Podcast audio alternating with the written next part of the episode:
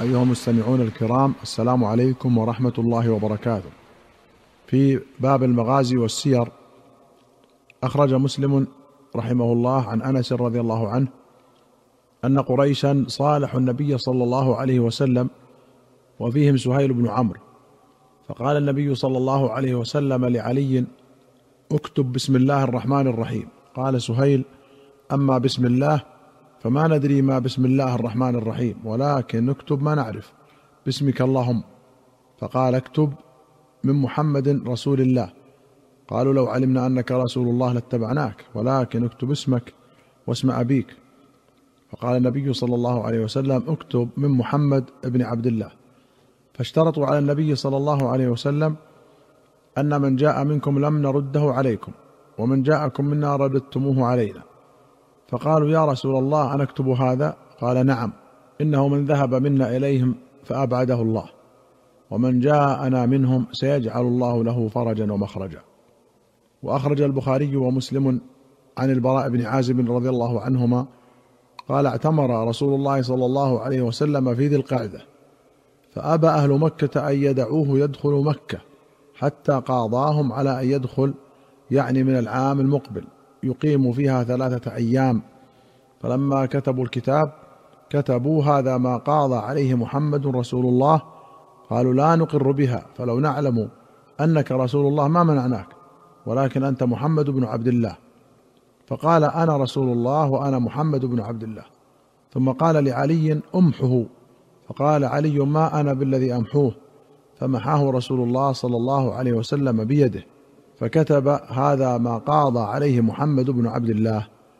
لا يدخل مكة السلاح إلا السيف في القراب وأن لا يخرج من أهلها بأحد إن أراد أن يتبعه وأن لا يمنع من أصحابه احدا إن أراد أن يقيم بها.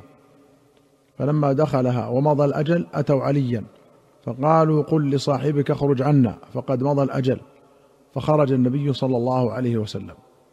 وفي رواية قال صالح النبي صلى الله عليه وسلم المشركين يوم الحديبية على ثلاثة أشياء على أن من أتاهم من المشركين رده إليهم ومن أتاهم من المسلمين لم يردوه وعلى أن يدخلها من قابل ويقيم بها ثلاثة أيام ولا يدخلها إلا بجلبان السلاح السيف والقوس ونحوه وجاء أبو جندل يحجل في قيوده فرده إليهم. تلك العمرة التي ذكر تسمى عمرة القضاء لأن رسول الله صلى الله عليه وسلم قاضاهم عليها. وأخرج البخاري عن ابن عمر رضي الله عنهما أن رسول الله صلى الله عليه وسلم خرج معتمرا فحال كفار قريش بينه وبين البيت.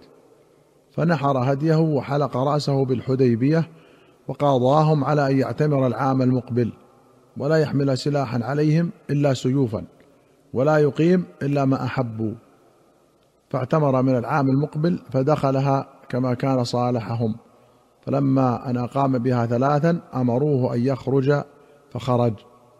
وأخرج البخاري عن عبد الله بن أبي أوفى رضي الله عنهما قال اعتمر رسول الله صلى الله عليه وسلم واعتمرنا معه. فلما دخل مكة طاف فطفنا معه وأتى الصفا والمروة وأتيناها معه. وكنا نستره من أهل مكة أن يرميه أحد. وفي رواية قال اعتمر رسول الله صلى الله عليه وسلم فطاف بالبيت وصلى خلف المقام ركعتين ومعه من يستره من الناس. فقال له رجل أدخل رسول الله صلى الله عليه وسلم الكعبة؟ قال لا. وفي أخرى عن عبد الله بن أبي أوفى أنه سمع ابن عباس يقول لما اعتمر رسول الله صلى الله عليه وسلم سترناه من غلمان المشركين ومنهم أن يؤذوا رسول الله صلى الله عليه وسلم. وأخرج مسلم عن سلامة بن الأكوع قال قدمنا الحديبية مع رسول الله صلى الله عليه وسلم ونحن أربع عشرة مئة وعليها خمسون شاة لا ترويها. فقعد رسول الله صلى الله عليه وسلم على جبل ركية فإما دعا وإما بصق فيها فجاشت فسقينا واستقينا. ثم إن رسول الله صلى الله عليه وسلم دعانا للبيعة في أصل الشجرة فبايعته في أول الناس ثم بايع وبايع حتى إذا كان في وسط من الناس قال بايع يا سلمة. قلت قد بايعتك يا رسول الله في أول الناس. قال وأيضا قال يزيد بن أبي عبيد قلت لسلمة يا أبا مسلم على أي شيء تبايعون يومئذ؟ قال على الموت. قال وقد رآني رسول الله صلى الله عليه وسلم أعزل يعني ليس معه سلاح. فأعطاني رسول الله صلى الله عليه وسلم حجفة أو درقة هي مثل الترس ثم بايع. حتى إذا كان في آخر الناس قال ألا تبايعني يا سلمة؟ قلت قد بايعتك يا رسول الله في أول الناس وفي أوسط الناس. قال وأيضا. فبايعته الثالثة. ثم قال لي يا سلمة أين حجفتك أو درقتك التي أعطيتك؟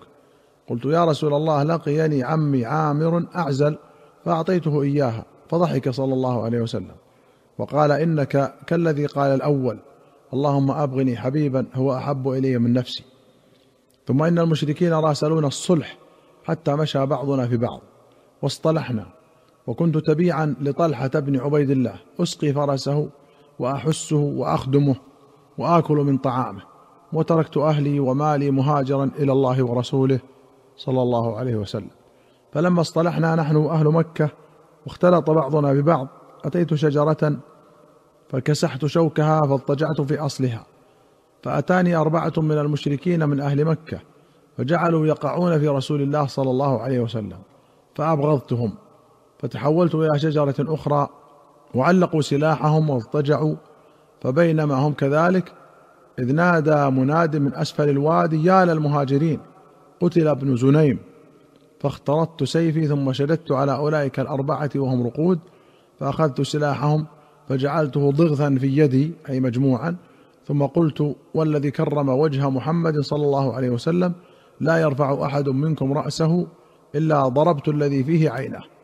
ثم جئت بهم أسوقهم إلى رسول الله صلى الله عليه وسلم. وجاء عمي عامر برجل من العبلات يقال له مكرز يقوده إلى رسول الله صلى الله عليه وسلم على فرس مجفف في سبعين من المشركين. فنظر إليهم رسول الله صلى الله عليه وسلم فقال دعوهم. يكن لهم بدء الفجور وثناه. فعفى عنهم صلى الله عليه وسلم. وأنزل الله عز وجل وهو الذي كف أيديهم عنكم وأيديكم عنهم ببطن مكة من بعد أن أظفركم عليهم. وكان الله بما تعملون بصيرا. ثم خرجنا راجعين إلى المدينة فنزلنا منزلا بيننا وبين بني لحيان جبل وهم المشركون. فاستغفر رسول الله صلى الله عليه وسلم لمن رقي هذا الجبل الليلة. كأنه طليعة للنبي صلى الله عليه وسلم وأصحابه. قال سلمة فرقيت تلك الليلة مرتين أو ثلاثا.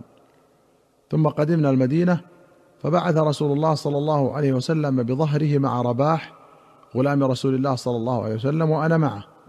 وخرجت معه بفرس لطلحة انديه مع الظهر. فلما أصبحنا إذا عبد الرحمن الفزاري قد أغار على ظهر رسول الله صلى الله عليه وسلم أي إبله فاستاقه أجمع وقتل راعيه. فقلت يا رباح خذ هذا الفرس فأبلغه طلحة بن عبيد الله. وأخبر رسول الله صلى الله عليه وسلم أن المشركين قد أغاروا على سرحه. ثم قمت على أكمة فاستقبلت المدينة فناديت ثلاثا يا صباحاه. وفي رواية قال خرجت من المدينة أريد الغابة قبل أن يؤذن بالأولى. وكانت لقاح رسول الله صلى الله عليه وسلم ترعى بذي قرد. فلقيني غلام لعبد الرحمن بن عوف فقال أخذت لقاح رسول الله صلى الله عليه وسلم. أيها المستمعون الكرام إلى هنا نأتي إلى نهاية هذه الحلقة. حتى نلقاكم في الحلقة القادمة إن شاء الله. نستودعكم الله. والسلام عليكم ورحمة الله وبركاته.